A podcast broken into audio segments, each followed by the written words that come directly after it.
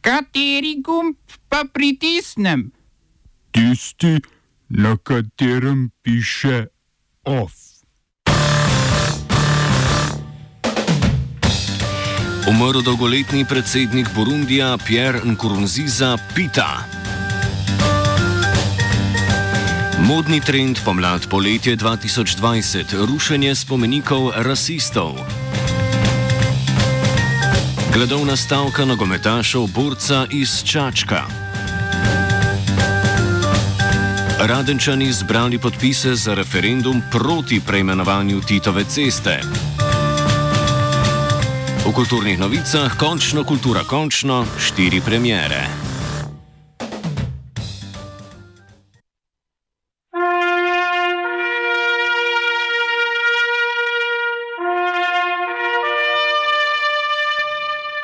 Umrl je tovariš Pierre Nkurunziza Pita.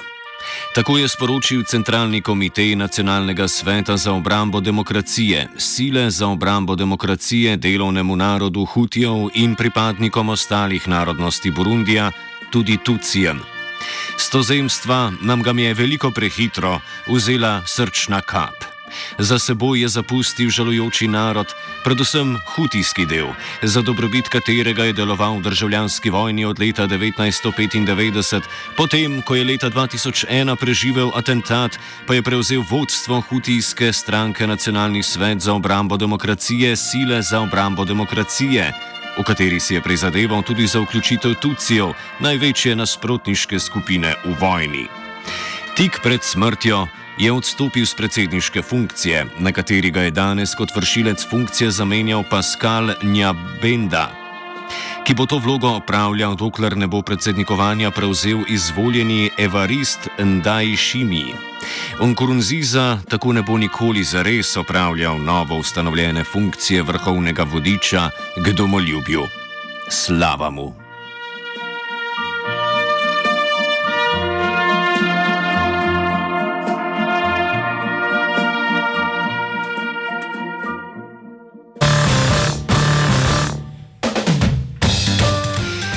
Švedska policija zaključuje preiskavo umora nekdanjega švedskega premijeja Olofa Palmeja, ki je preminil leta 1986. Za umor predsednika, ki se ga spominjamo predvsem po razkritju orožarskih korupcij, razglasitvi kurdske organizacije PKK za teroristično, oporekanju ameriškemu imperializmu v Vietnamu, južnoafriškemu apartheidu ter ruskemu mešavanju v praško pomlad, je bil najprej obsojen dežurni krivec, uporabnik drog in prestopnik Krister Peterson, a je dobro desetletje kasneje sodišče ponovno odprlo primer in osumilo grafičnega oblikovalca Stiga Engstroma, ker je glavni osumljenec tako imenovani Skandiam Anen že leta 2000 storil samomor, je preiskava zaključena.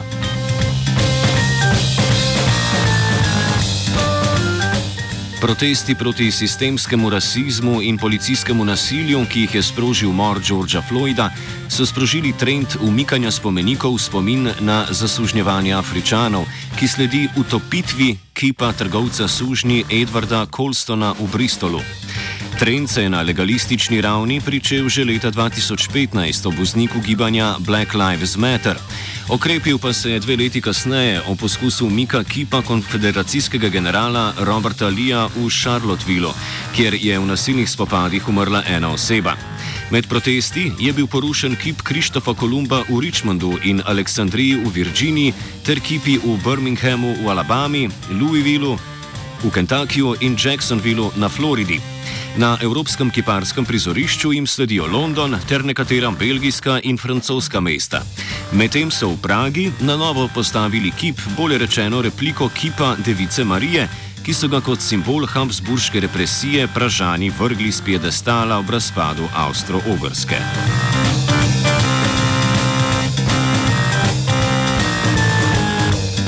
Francosko visoko upravno sodišče je odločilo, da se bo prva liga, tako imenovana Liga A, kot pričakovano zaključila, a bo, kot vse kaže, naslednjo sezono za dve moštvi večja. Sodišče je pritrdilo pritožbi zadnje vrščenih ekip Tuluja in Amjena ter peto uvrščenega Liona, ki se zaradi predčasnega zaključka tekmovanja niso mogle boriti za obstanek oziroma za nastopanje na evropskih tekmovanjih.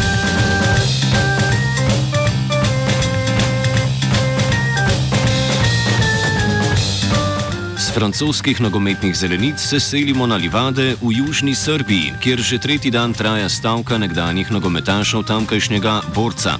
Pred stavbo občinske uprave s stradanjem zahtevajo izplačilo plač za čas, ko so predstavljali barve borca, a župan Milun Todorovič odgovarja, da so njihove zahteve naslovljene na napačnega naslovnika. Dva nekdanja igralca sta trenutno v bolnišnici. Okoliščine protesta predstavi predsednik sindikata profesionalnih nogometašov Nezavisnost Mirko Poledica.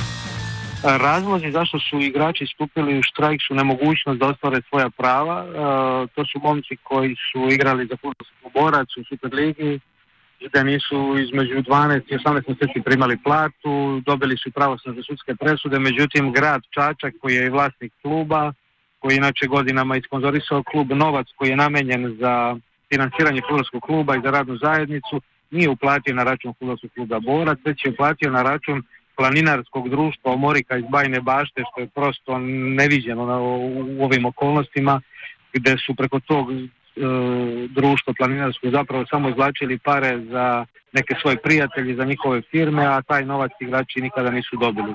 Probali smo pravnim putem da, da se to rešimo, međutim to je jednostavno nemoguće u Srbiji. Srbija više nije slobodna zemlja, Srbija nije demokratska zemlja, Srbija je zemlja danas koja živi u diktaturi, u kojoj jedan čovjek odlučuje o svemu, pa tako je nažalost i sa pravosuđem i sa policijom.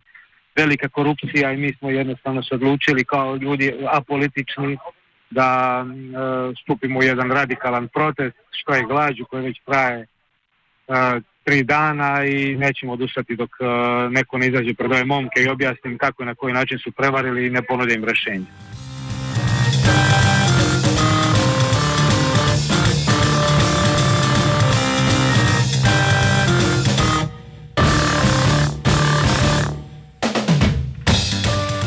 V sosednji Črni gori pa, so, pa se ob omilitvi ukrepov proti širjenju epidemije ponovno vračajo tako imenovane litije in molebani. To so svečane procesije v obrambo interesov Srpske pravoslavne cerkve v tako imenovani Črnogorsko-primorski metropoliji. Seveda je metropolit zaenkrat ne kanonske Črnogorske pravoslavne cerkve Mihajlo od oblasti zahteval prepoved takšnih združevanj. Temu sicer še niso odgovorile, a Srpska pravoslavna cerkev verjame, da so črnogorske oblasti vendarle odgovorile na litije. Po naročilu gradbene inšpekcije se je namreč o policijskem varovanju pričelo rušenje temeljev za bivalni prostor ob samostanu svetega Vasilija v bližini Ulcinja. Oba, če, če bom odgovoril na angliški. Slovenija will try to help. Uh, we can. Slovenija will. Uh, and we will do our utmost to say that the situation is our problem ourselves. And uh, we will uh, make further steps as soon as the conditions are. Bomo vlado Marjana Cererera Šarca podprli. Very, very serious news from Slovenia. We know how and we will.